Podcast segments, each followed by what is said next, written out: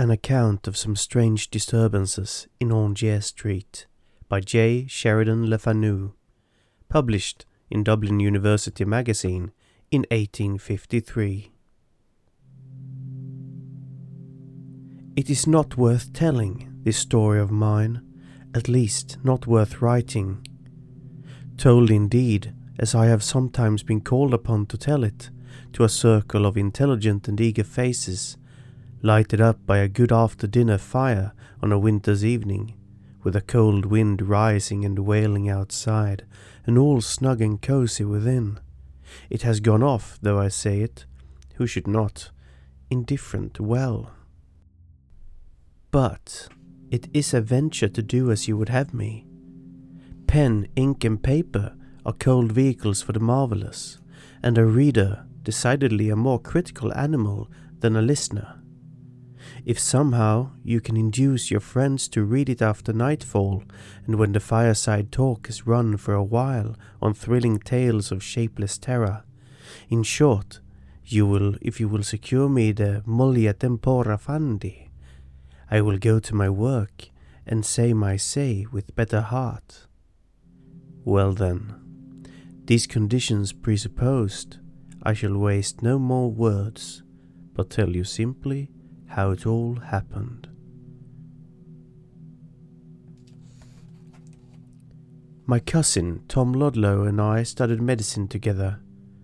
I think he would have succeeded had he stuck to the profession, but he preferred the church, poor fellow, and died early, a sacrifice to contagion, contracted in noble discharge of his duties.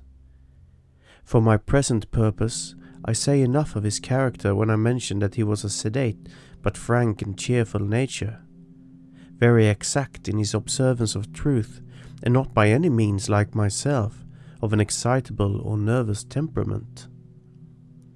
My uncle Ludlow, Tom's father, while we were attending lectures, purchased three or four old houses in Aungier Street, one of which was unoccupied. He resided in the country, and Tom proposed that we should take up our abode in the untenanted house, as so long as it should continue unlet, a move which would accomplish the double end of settling us nearer alike to our lecture rooms and to our amusements, and of relieving us from the weekly charge of rent from our lodgings. Our furniture was very scant, our whole equipage remarkably modest and primitive, and, in short, our arrangements pretty nearly as simple as those of a bivouac. Our new plan was, therefore, executed almost as soon as conceived. The front drawing room was our sitting room. I had the bedroom over it, and Tom the back bed bedroom on the same floor, which nothing could have induced me to occupy. The house, to begin with, was a very old one. It had been, I believe, newly fronted about fifty years before, but with this exception it had nothing modern about it. The agent who bought it and looked into the titles for my uncle told me that it was sold, along with much other forfeited property, at Chichester House, I think, in 1702, and had belonged to Sir Thomas Hackett, who was Lord Mayor of Dublin in James II's time. How old it was then, I can't say. But at all events, it had seen years and changes enough to have contracted all that mysterious and saddened air, at once exciting and depressing, which belongs to most old mansions. There had been very little done in the way of modernizing details, and perhaps it was better so, for there was something queer and bygone in the very walls and ceilings, in the shape of doors and windows, in the odd diagonal sight of the chimney pieces, in the beams and ponderous cornices, not to mention the singular solidity of all the woodwork, from the banisters to the window frames, which hopelessly def- defied disguise, and would have emphatically proclaimed their antiquity through any conceivable amount of modern finery and varnish. An effort had indeed been made to the extent of papering the drawing room, but somehow the paper looked raw and out of keeping, and the old woman who kept a little dirt pie of a shop in the lane, and whose daughter, a girl of two and fifty, was our solitary handmaid, coming in at sunrise and chastely receding again as soon as she had made all ready for tea in our state apartment. This woman, I say, remembered it when old Judge Horrocks, who, having earned a reputation of a particularly hanging judge, ended up by hanging himself, as the coroner's jury found, under an impulse of temporary insanity, with a, ch- with a child's skipping rope over the massive old banisters. He resided there, entertaining good company with fine venison and rare old port. In those halcyon days, the drawing rooms were hung with gilded leather, and I dare say cut a good figure for they were really spacious rooms. The bedrooms were wainscoted, but the front one was not gloomy, and in it the coziness of antiquity quite overcame its sombre associations. But the back bedroom, with its two queerly placed melancholy windows staring vacantly at the foot of the bed, and with the shadowy recess to be found in most old houses in Dublin, like a large ghostly closet, which from congeniality of temperament had amalgamated with the bedchamber and dissolved the partition. At night time, this alcove, as our maid was wont to call it, had in my eyes a specially sinister and suggestive character. Tom's distant and solitary candle glimmered vainly into its darkness. There, it was always overlooking him, always itself impenetrable. But this was only part of the effect. The whole room was, I can't tell how, repulsive to me. There was, I suppose, in its proportions and features, a latent discord, a certain mysterious and indescribable relation which jarred distinctly upon some secret sense of fitting and safe, and raised indefinable suspicions and apprehensions of the imagination. On the whole, as I began by saying, nothing could have induced me to pass a night alone in it. I had never pretended to conceal from poor Tom my superstitious weakness, and he, on the other hand, most unaffectedly ridiculed my tremors. The skeptic was, however, destined to receive a lesson, as you shall hear. We had not been very long in occupation of our respective dormitories when I began to complain of uneasy nights and disturbed sleep. I was, I suppose, the more impatient under his annoyance, as I was usually a sound sleeper, and by no means prone to nightmares. It was now, however, my destiny, instead of enjoying my customary repose, every night to sup full of horrors. After a preliminary course of disagreeable and frightful dreams, my troubles took a definite form, and the same vision, without an appreciable variation in a single detail, visited me at least every second night in the week. Now, this dream, this nightmare or infernal illusion, which you please, of which I was the miserable sport, was on this wise. I saw, or thought I saw, with the most abominable distinctness, although at the time in profound darkness, every article of furniture and accidental arrangement of the chamber in which I lay. This, as you know, is incidental to ordinary nightmare. Well, while in this clairvoyant condition, which seemed but the lighting up of the theatre in which was to be exhibited the monotonous tableau of horror, which made my nights insupportable, my attention invariably became, I know not why, fixed upon the windows opposite the foot of my bed, and uniformly with the same effect, a sense of dreadful anticipation always took slow but sure possession of me. I became somehow conscious of a sort of horrid but undefined preparation going forward in some unknown quarter and by some unknown agency for my torment. And after an interval, which always seemed to me of the same length, a picture suddenly flew up to the window, where it remained fixed as if by an electrical attraction, and my discipline of horror then commenced, to last perhaps for hours. The picture thus mysteriously glued to the window's panes was the portrait of an old man in a crimson flowered silk dressing gown, and folds of which I could now describe with a countenance embodying a strange mixture of intellect, sensuality, and power, but withal sinister and full of malig- malignant omen. His nose was hooked like the beak of a vulture, his eyes large, grey, and prominent, and lighted up with more than mortal cruelty and coldness. These features were surmounted by a crimson velvet cap, the hair that peeped from under which was white with age, while the eyebrows retained their original blackness. Well, I remembered every line, hue, and shadow of that stony countenance, and well I may say, the gaze of this hellish visage was fixed upon me, and mine returned it with the inexplicable fascination of nightmare, for what appeared to me to be hours of agony. At last, the cock crew, away them flew. The fiend who had enslaved me through the awful watches of the night, and, harassed and nervous, I rose to the duties of the day. I had.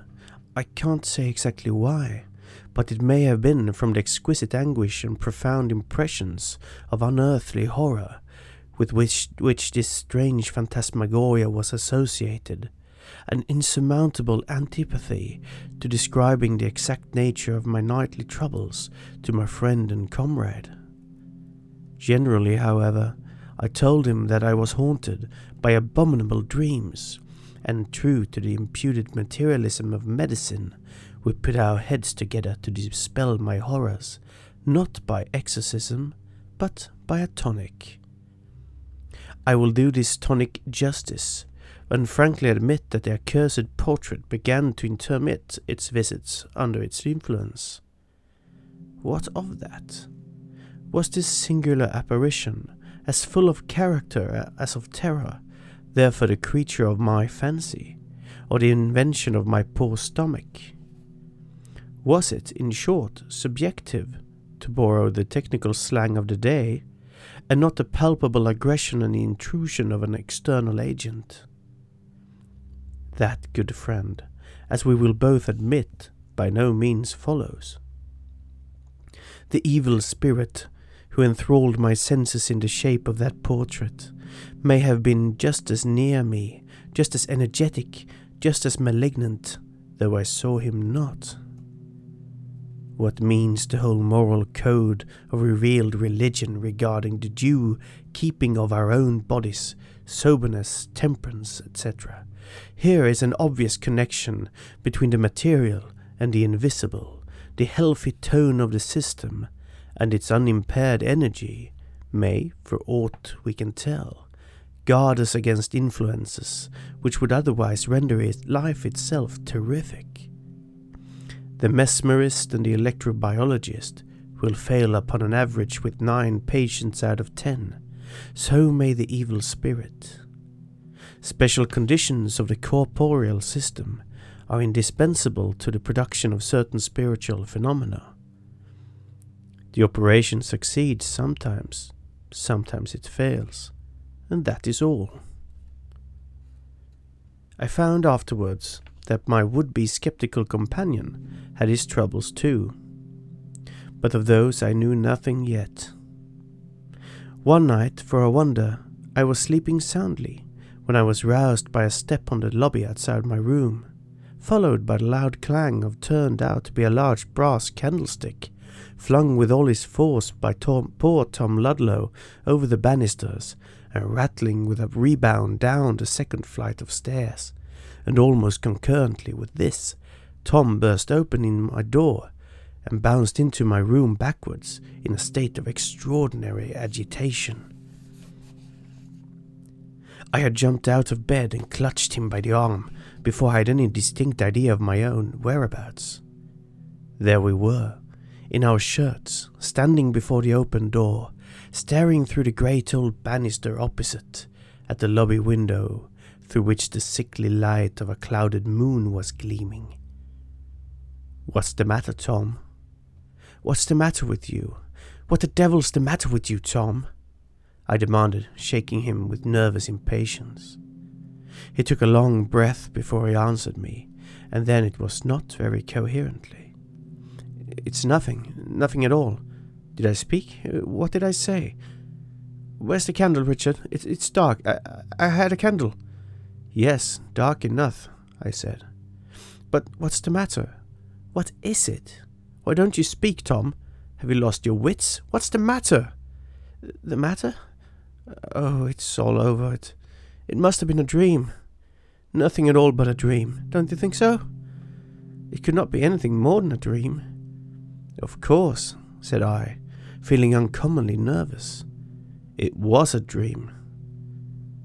I thought, he said, there was a man in my room, and I jumped out of bed. Where's the candle? In your room, most likely, I said. Shall I go and bring it? No. Stay here. Don't go. It's no matter. Don't. I tell you, it was all a dream. Bolt the door, Dick.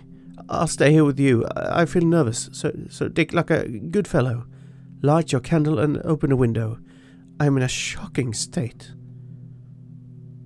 I did as he asked me, and robing himself like a grenouille in one of my blankets, he seated himself close beside my bed.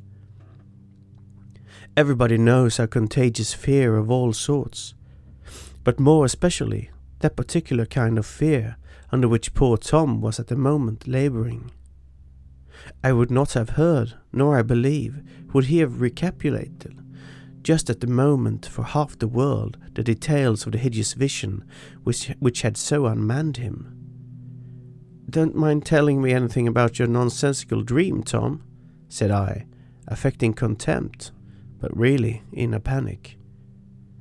Let us talk about something else, but it is quite plain that this dirty old house disagrees with us both, and hang me if I stay here any longer, to be pestered with indigestion and, and and bad nights, so we may as well look out for lodgings. Don't you think so? At once. Tom agreed, and after an interval said, I've been thinking, Richard, that it is a long time since I saw my father, and I have made up my mind to go down tomorrow and return in a day or two, and you can take rooms for us in the meantime.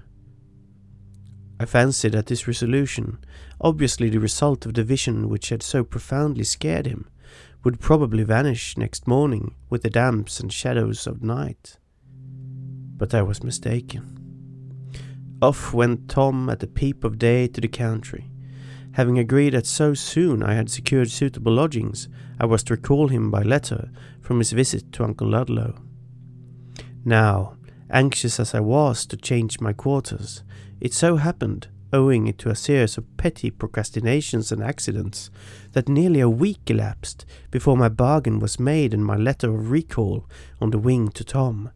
And, in the meantime, a trifling adventure or two had occurred to your humble servant, which, absurd as they now appear, diminished by distance, did certainly at the time serve to whet my appetite for change considerably.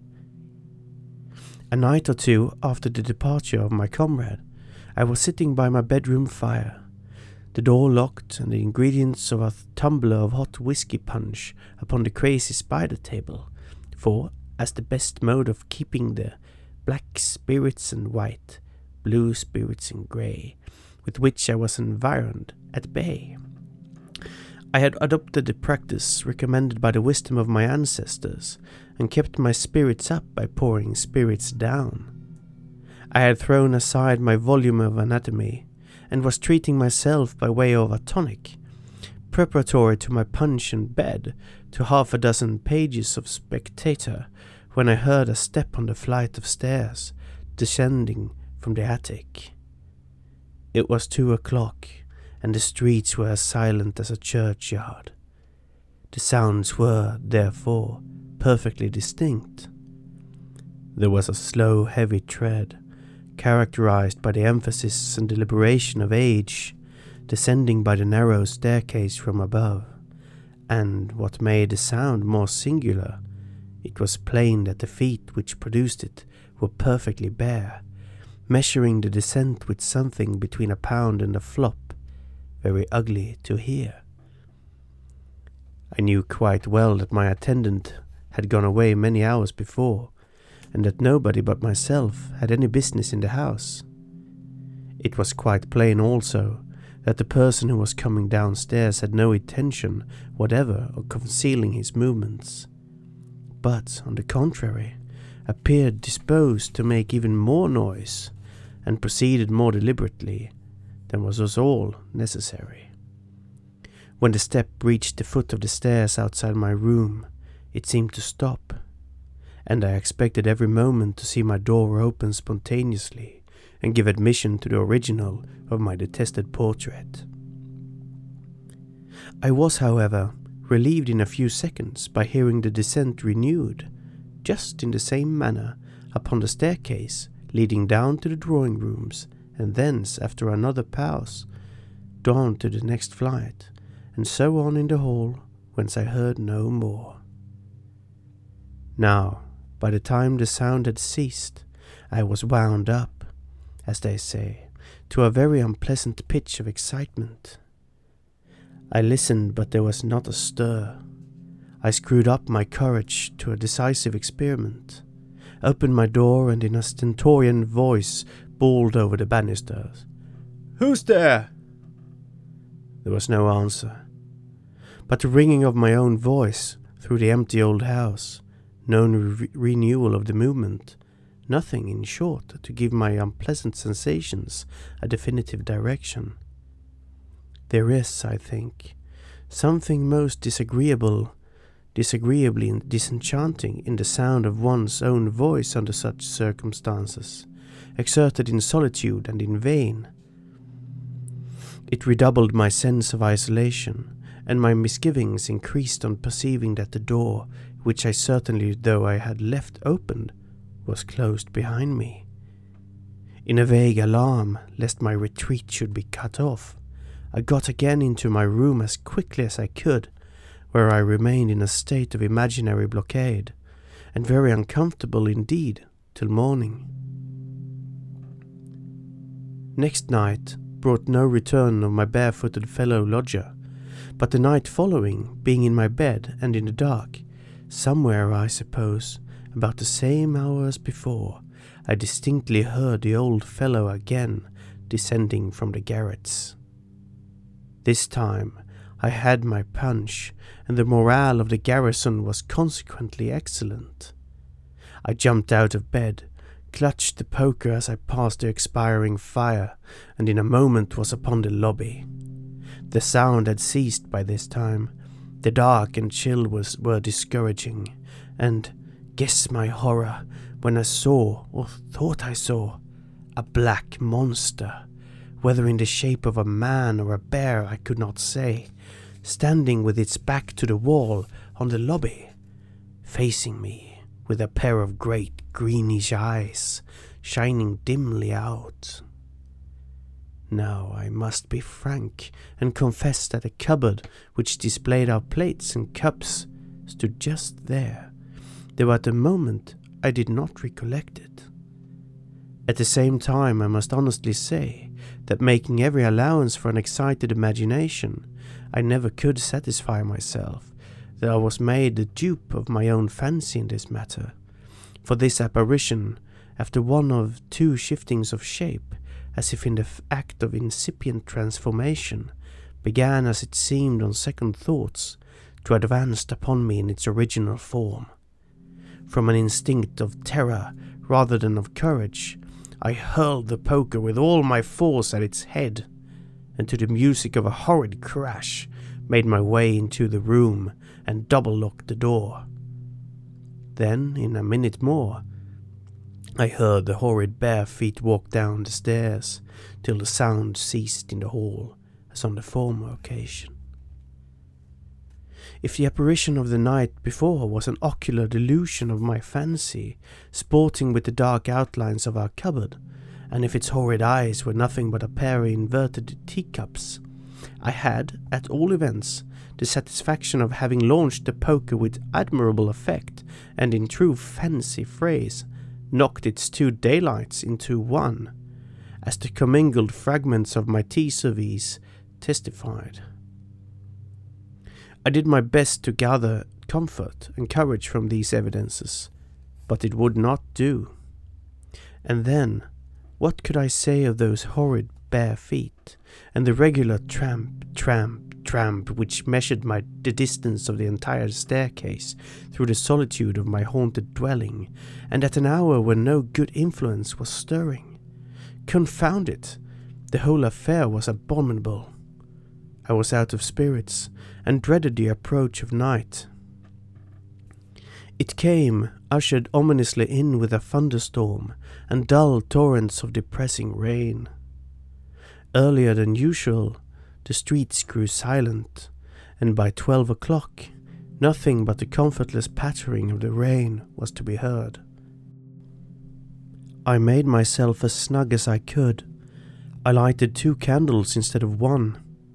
I forswore bed and held myself in readiness for a sally, candle in hand, for, coûte qui coûte, I was resolved to see the being, if visible at all, who troubled the nightly stillness of my mansion. I was fidgety and nervous and tried in vain to interest myself with my books. I walked up and down my room, whistling in turn martial and hilarious music, and listening ever and anon for the dreaded noise.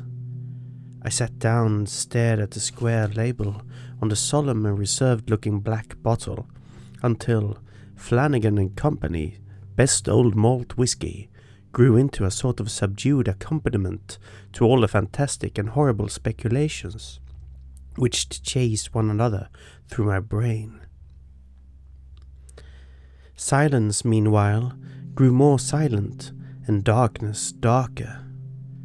I listened in vain for the rumble of a vehicle or the dull clamour of a distant row. There was nothing but the sound of a rising wind, which has succeeded the thunderstorm that had travelled over the Dublin mountains quite out of hearing. In the middle of this great city, I began to feel myself alone with nature, and heaven knows what beside. My courage was ebbing, Punch, however, which makes beasts of so many, made a man of me again, just in time to hear with tolerable nerve and firmness the lumpy, flabby, naked feet deliberately descending the stairs again. I took a candle, not without a tremor. As I crossed the floor, I tried to extemporize a prayer, but stopped short to listen and never finished it. The steps continued. I confess, I hesitated for some seconds at the door before I took a heart of grace and opened it. When I peeped out, the lobby was perfectly empty. There was no monster standing on the staircase, and as the detested sound ceased, I was reassured enough to venture forward nearly to the banisters. Horror of horrors! Within a sight stare of two beneath the spot where I stood, the unearthly tread smote the floor. My eye caught something in motion. It was about the size of Goliath's foot. It was grey, heavy, and flapped with a dead weight from one step to another. As I am alive, it was the most monstrous grey rat I have ever beheld or imagined. Shakespeare says, some men there are cannot abide a gaping pig, and some that are mad if they behold a cat. I went well nigh out of my wits when I beheld this rat, for, laugh at me as you may, it fixed upon me, I thought, a perfectly human expression of malice. And as it shuffled about and looked up into my face, almost from between my feet, I saw, I could swear it, I felt it then and know it now, the infernal gaze and accursed countenance of my old friend in the portrait, transfused into the visage of the bloated vermin before me. I bounced into my room again with a feeling of loathing and horror I cannot describe, and locked and bolted my door as if a lion had been at the other side. Damn him! Damn it! Curse the portrait and its original. I felt in my soul that the rat, yes, the rat, the rat I had just seen, was that evil being in masquerade, and rambling through the house upon some infernal night lark. Next morning, I was early trudging through the miry streets, and, among other transactions, posted a peremptory note recalling Tom. On my return, however, I found a note from my absent chum announcing his intended return next day. I was doubly rejoiced at this, because I had succeeded in getting rooms, and because of the change of scene and return of my comrade were rendered specially pleasant by last night's half ridiculous, half horrible adventure. I slept extemporaneously in my new quarters in Digges Street that night, and next morning returned for breakfast to the haunted mansion, where I was certain Tom would call immediately on his arrival. I was quite right. He came, and almost his first question referred to the primary object of our change of residence. Thank God, he said, with genuine fervour, on hearing that all was arranged. On your account I am delighted. As to myself, I assure you that no earthly consideration could have induced me to ever again pass a night in this disastrous old house. Confound the house! I ejaculated, with a genuine mixture of fear and detestation. We have not had a pleasant, pleasant hour since we came to live here. And so I went on and related incidentally my adventure with the plethoric old rat. Well, if that were all, said my cousin, affecting to make light of the matter. I don't think I should have minded it very much. Ay, but it's I. Its countenance, my dear Tom, urged I. If you'd seen that, you would have felt it might be anything but what it seemed. I'm inclined to think the best conjurer in such case would be an able bodied cat, he said, with a provoking chuckle. But let us hear your own adventure, I said tartly. At this challenge, he looked unpleasantly around him. I had poked up a very unpleasant recollection. You shall hear it, Dick. I'll tell it to you, he said. Begad, sir, I should feel quite queer, though, telling it here, though we are too strong a body for ghosts to meddle with just now. Though he spoke this like a joke, I think it was a serious calculation. Our Hebby was in a corner of the room, packing our cracked delf tea and dinner services in a basket. She soon suspended operations, and with mouth and eyes wide open, became an absorbed listener. Tom's experiences were told nearly in these words. I saw it three times, Dick. Three distinct times, and I am perfectly certain it meant me some infernal harm. I was, I say, in danger, in extreme danger, for if nothing else had happened, my reason would most certainly have failed me, unless I had escaped soon. Thank God I did escape. The first night of this hateful disturbance, I was lying in the attitude of sleep, in that lumbering old bed. I hate to think of it. I was really wide awake, though I had put out my candle and was lying as quietly as if I had been asleep, and although accidentally restless, my thoughts were running in a cheerful and agreeable channel. I think it must have been at two o'clock at least when I thought I heard a sound in that that odious dark recess at the far end of the bed bedroom. It was as if someone was drawing a piece of cord slowly along the floor, lifting it up and dropping it softly down again in coils. I sat up once or twice in my bed, but could see nothing, so I concluded it must be mice in the wainscot. I felt no emotion graver than curiosity, and after a few minutes ceased to observe it. While lying in this state, strange to say, without at first a suspicion of anything supernatural, on a sudden I saw an old man, rather stout and square, in a sort of a roan red dressing gown, and with a black cap on his head, moving stiffly and slowly in a diagonal direction from the recess across the floor of the bedroom, passing my bed at the foot and entering the lumber closet at the left. He had something under his arm. His head hung a little at one side, and merciful God, when I saw his face. Tom stopped for a while, and then he continued. That awful countenance, which living or dying I never can forget, disclosed what he was. Without turning to the right or left, he passed beside me and entered the closet by the bed's head. While this fearful and indescribable type of death and guilt was passing, I felt that I had no more power to speak or stir than if I had been myself a corpse. For hours after it had disappeared, I was too terrified to weak or to move.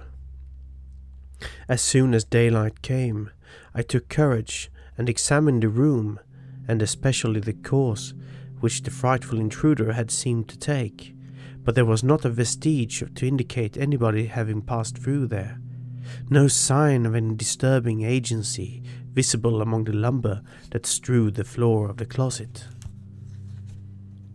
I now began to recover a little. I was fagged and exhausted, and at last overpowered by a feverish sleep. I came down late, and finding you out of spirits on account of your dreams about the portrait, whose original I am now certain disclosed himself to me, I did not care to talk about the infernal vision. In fact, I was trying to persuade myself that the whole thing was an illusion, and I did not like to revive in their intensity the hated impressions of the past night, or to risk the constancy of my skepticism by recounting the tale of my sufferings. It required some nerve, I can tell you, to go to my haunted chamber next night and lay down quietly in the same bed, continued Tom. I did so with a degree of trepidation, which, I am not ashamed to say, a very, very little matter would have sufficed to stimulate to downright panic. This night, however, passed off quietly enough, as also the next, and so too did two or three more. I grew more confident and began to fancy that I believed in the theories of spectral illusions with which I had first vainly tried to impose upon my convictions. The apparition had been, indeed, altogether anomalous. It had crossed the room without any recognition of my presence. I had not disturbed it, and it had no mission to me. What, then, was the imaginable use of this crossing the room in a visible shape at all? Of course, it might have been in the closet instead of going there, as easily as it introduced itself into the recess without entering the chamber in a shape discernible by the senses. Besides, how the deuce had I seen it? It was dark night, I had no candle, there was no fire, and yet I saw it distinctly, in colouring and outline, as ever I beheld a human form. A cataleptic dream would explain it all, and I was determined that a dream it should be. One of the most remarkable phenomena connected with the practice of mendacity is the vast number of deliberate lies we tell ourselves, whom of all persons we can least expect to deceive.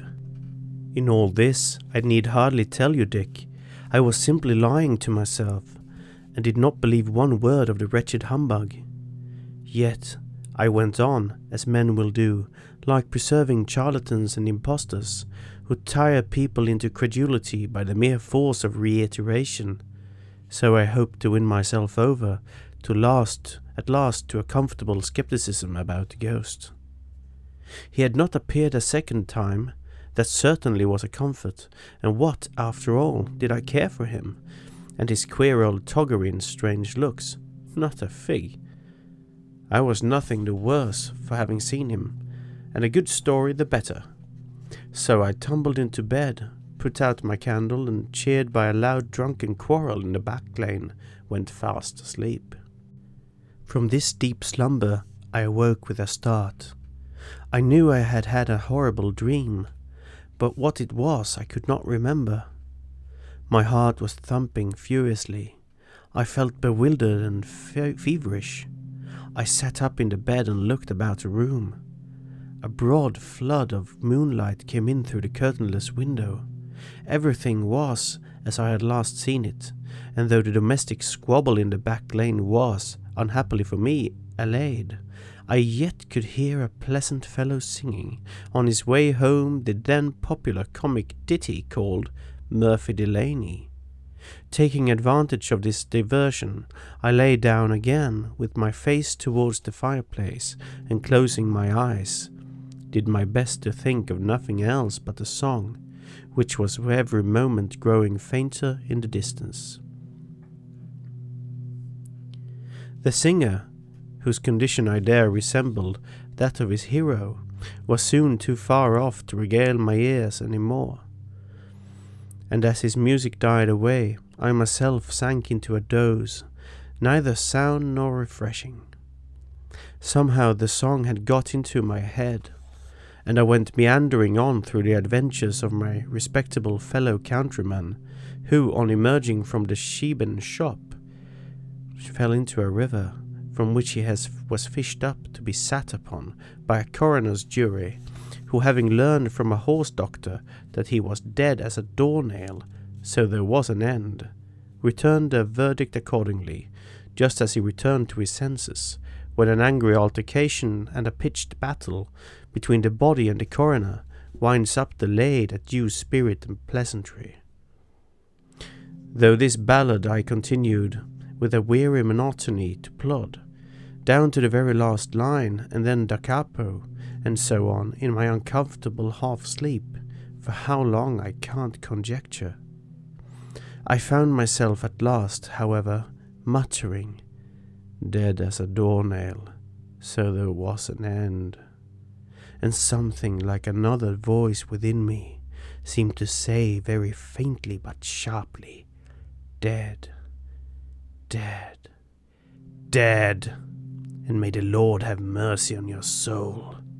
And instantaneously I was wide awake and staring right before me from the pillow.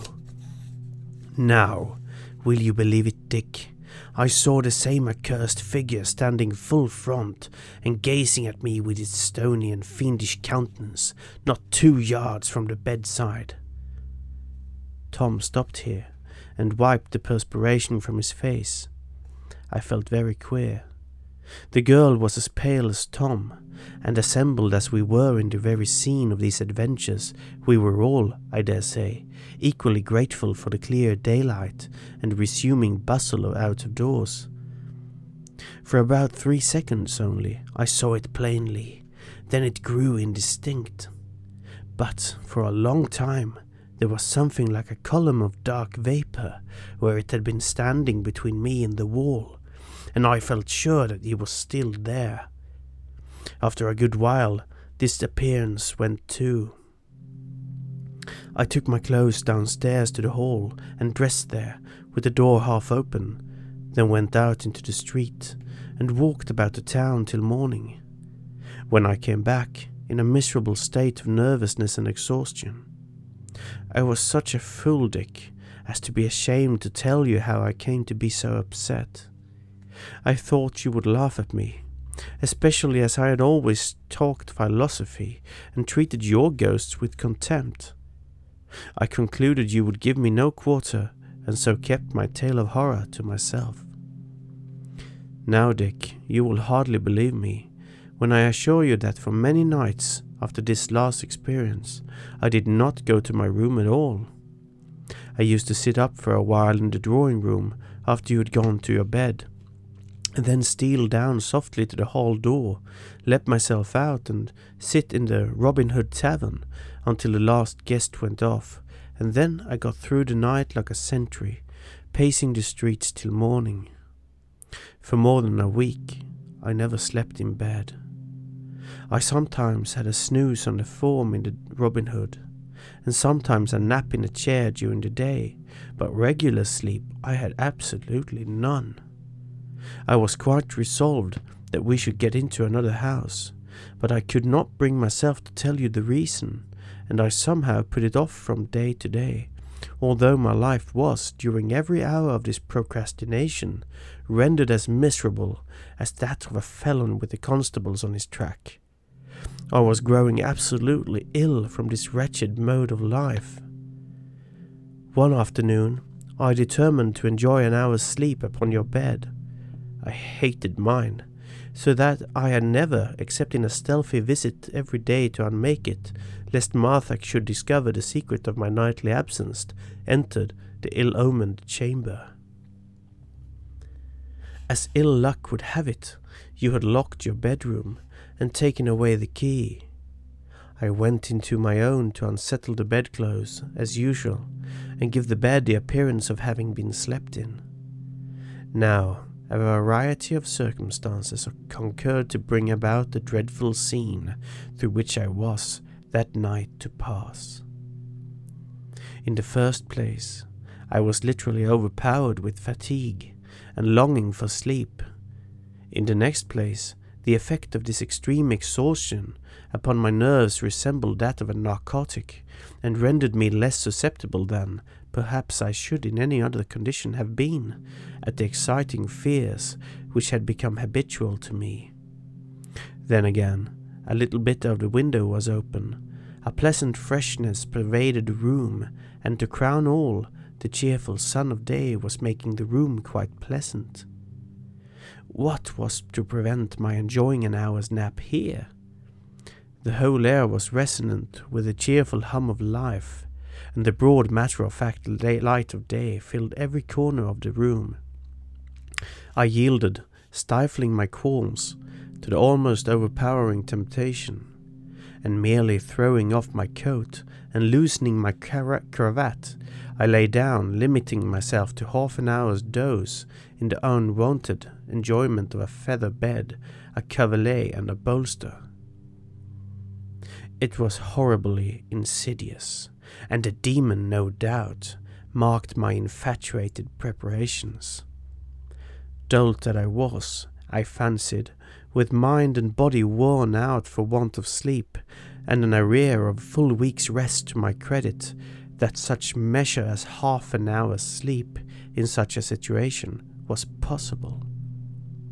My sleep was death-like, long and dreamless, without a start of fearful sensation of any kind, awaked gently but completely. It was, as you have good reason to remember, long past midnight, I believe about two o'clock. When sleep has been deep and long enough to satisfy nature thoroughly, one often wakens in this way, suddenly, tranquilly, and completely. There was a figure seated in that lumbering old sofa chair near the fireplace. Its back was rather towards me, but I could not be mistaken. It turned slowly around, and, merciful heavens, there was the stony face, with its infernal lineaments of malignity and despair, gloating on me. There was now no doubt as to its consciousness of my presence and the hellish malice with which it was animated, for it arose and drew close to the bedside. There was a rope about its neck, and the other end coiled up, it held stiffly in its hand. My good angel nerved me for this horrible crisis. I remained for some seconds transfixed by the gaze of this tremendous phantom. He came close to the bed, and appeared on the point of mounting upon it. The next instant I was upon the floor and at the far side, and in a moment more was, I don't know how, upon the lobby. But the spell was not yet broken. The valley of the shadow of death was not yet traversed. The abhorred phantom was before me there. It was standing near the banisters, stooping a little, and with one end of the rope round its own neck was poising a noose at the other, as if to throw over mine, and while engaged in this baleful pantomime, it wore a smile so sensual, so unspeakably dreadful, that my senses were nearly overpowered. I saw and remembered nothing more until I found myself in your room.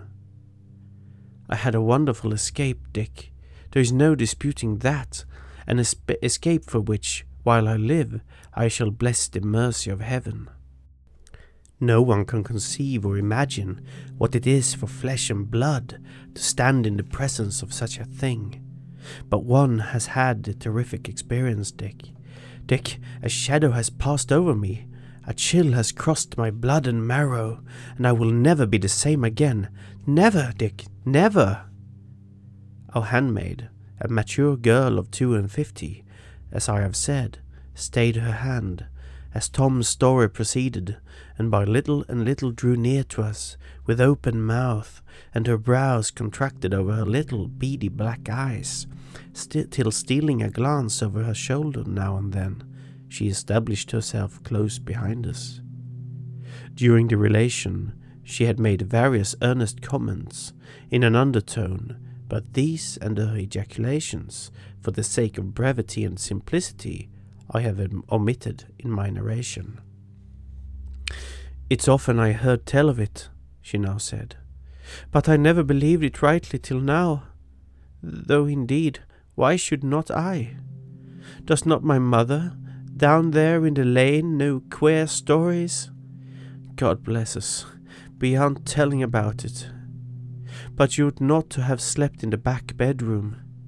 She was, was loath to let me be, by going in and out of that room even in the daytime, let alone for any Christian to spend the night in it. For sure she says it was his own bedroom. Whose own bedroom? we asked in a breath. Why, his. The old judge, Judge Horrocks, to be sure, God rest his soul. And she looked fearfully round. Amen, I muttered. But did he die there? Die there? No, not quite there, she said. Sure, was not it over the banisters he hung himself, the old sinner? God be merciful to us all. And was not it in the alcove they found the handles of the skipping rope cut off, and the knife where he was settling the cord, God bless us, to hang himself with. It was his housekeeper's daughter owned the rope, my mother often told me, and the child never throve after and used to be starting up out of her sleep and screeching in the night time, with dreams and frights that come on her and they said how it was the spirit of the old judge that was tormenting her, and she used to be roaring and yelling out to hold back the big old fellow with the crooked neck, and then she'd screech, Oh, the master, the master, he's stomping on me, he's beckoning to me. Mother, darling, don't let me go. And so the poor creature died at last, and the doctor said it was water on the brain, for it was all they could say. How long ago was all this? I asked. Oh, then, how would I know? she answered. But it must be a wonderful long time ago, for the housekeeper was an old woman, with a pipe in her mouth, and not a tooth left, and better nor eighty years old when my mother was first married, and they said she was a rale buxom, Fine dressed woman, then, could a judge come to his end, and indeed, my mother's not far from eighty years old herself this day, and what made it worse for the unnatural old villain, God rest his soul, to frighten the little girl out of the world the way he did, was that was mostly thought and believed by everyone. My mother says how the poor little creature was his own child, for he was by all accounts an old villain every way, and the hangingest judge that was ever known in Ireland's ground. From what you said about the danger of sleeping in that bedroom, said I, I suppose there were stories about the ghost having appeared there to others. Well, there was things said, queer things, surely. She answered, as it seemed, with some reluctance. And why would not there? Sure it was was it not up in the same room he slept for more than twenty years? And was it not in the alcove he got to rope ready to that done his business at last? The way he'd done many a better man in his lifetime. And was not the body lying in the same bed after death, and put in the coffin there, too, and carried out to his grave from in it in Peather's churchyard after the coroner was done? But there was queer stories. My mother had told them all about how Nicholas Spaight got into trouble, the head of it. And what did they say of this Nicholas Spaight? I asked. Oh, for that matter, it's soon told, she answered. And she certainly did relate a very strange story, which so piqued my curiosity that I took the occasion to visit the ancient lady, her mother, from whom I learned very many curious particulars. Indeed, I am tempted to tell the tale, but my fingers are weary, and I must defer it. But if you wish to hear it another time, I shall do my best. When we had heard the strange tale, I have not told you, but one or two further questions to her about the alleged spectral visitations to which the house had, ever since the death of the wicked old judge, been subjected. No one has ever had luck in it, she told us. There was always cross accidents, sudden deaths, and short times in it. The first that took it was a family. I forgot their name, but at any rate, there were two young ladies and their papa. He was about sixty, and about a healthy gentleman as you'd wish to see at that age. Well, he slept in that unlucky bed back bedroom, and, God between us and harm, sure enough, he was found dead one morning, half out of bed, with his head as black as a sloe, and swelled like a pudding, hanging down near the floor. It was a fit, they said. He was as dead as a mackerel, and so he could not say what it was. But the old people was all sure that it was nothing at all but the old judge, God bless us, that frightened him out of his senses and his life altogether. Some time after, there was a rich old maiden lady took the house. I don't know which room she slept in, but she lived alone. And at any rate, one morning, the servants going down early to their work found her sitting on the passage stairs, shivering and talking to herself, quite mad. And never a word more could any of them or her friends get from her afterwards, but Don't ask me to go, for I promised to wait for him. They never made out from her who it was meant, or she meant by him. But of course, those that know about all about the old house were at no loss for the meaning of all that happened to her. Then afterwards, when the house was let out in lodgings, there was Mickey Byrne that took the same room with his wife and three little children, and I sure heard Mrs. Byrne herself telling how the children used to be lifted up in the bed at night. She could not see by what means. And how they were starting and screeching every hour, just as all as one as the housekeeper's little girl that died, till at last one night poor Mickey had a drop in him, the way he used now and again. And what do you think in the middle of the night he thought he heard a noise out on the stairs, and being in the liquor, nothing less I'd do him, but how he must go himself to see what was wrong.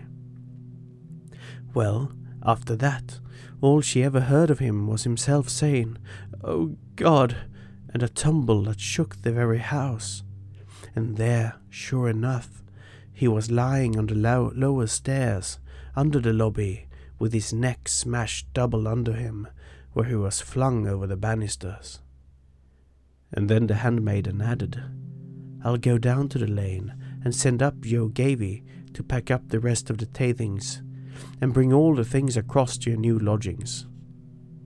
And so we all sallied out together, each of us breathing more freely, I have no doubt, as we crossed that ill omened threshold for the last time.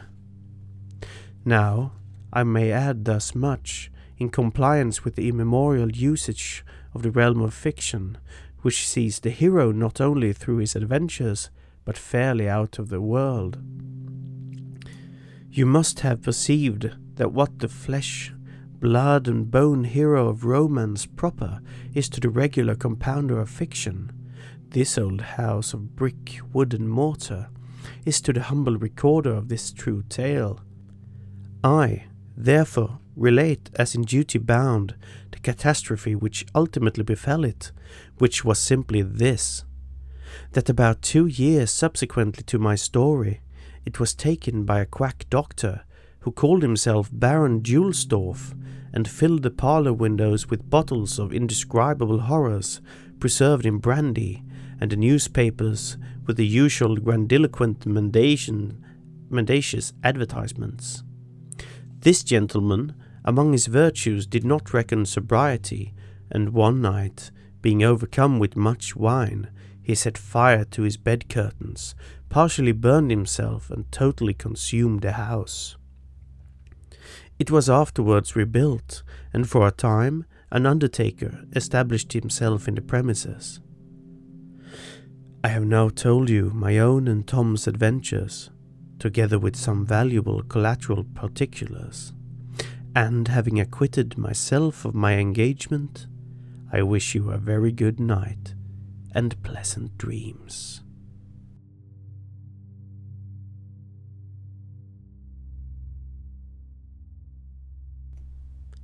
Du har lyssnat till Linus Borgström som läser An Account of Some Strange Disturbances in Angier Street, skriven av Joseph Sheridan Le Fanu och publicerad för första gången i Dublin University Magazine 1853. Jag vill uttrycka ett jättestort tack till alla mina Patreon-följare. Urban, Johan och Viktor. Stort tack för att ni följer mig och för att ni stöttar det jag gör och det är superroligt att ha med er från början på den här resan. Jag hoppas ni har tyckt om det här avsnittet av Folkpodden Plus. Vi hörs snart igen. Tack!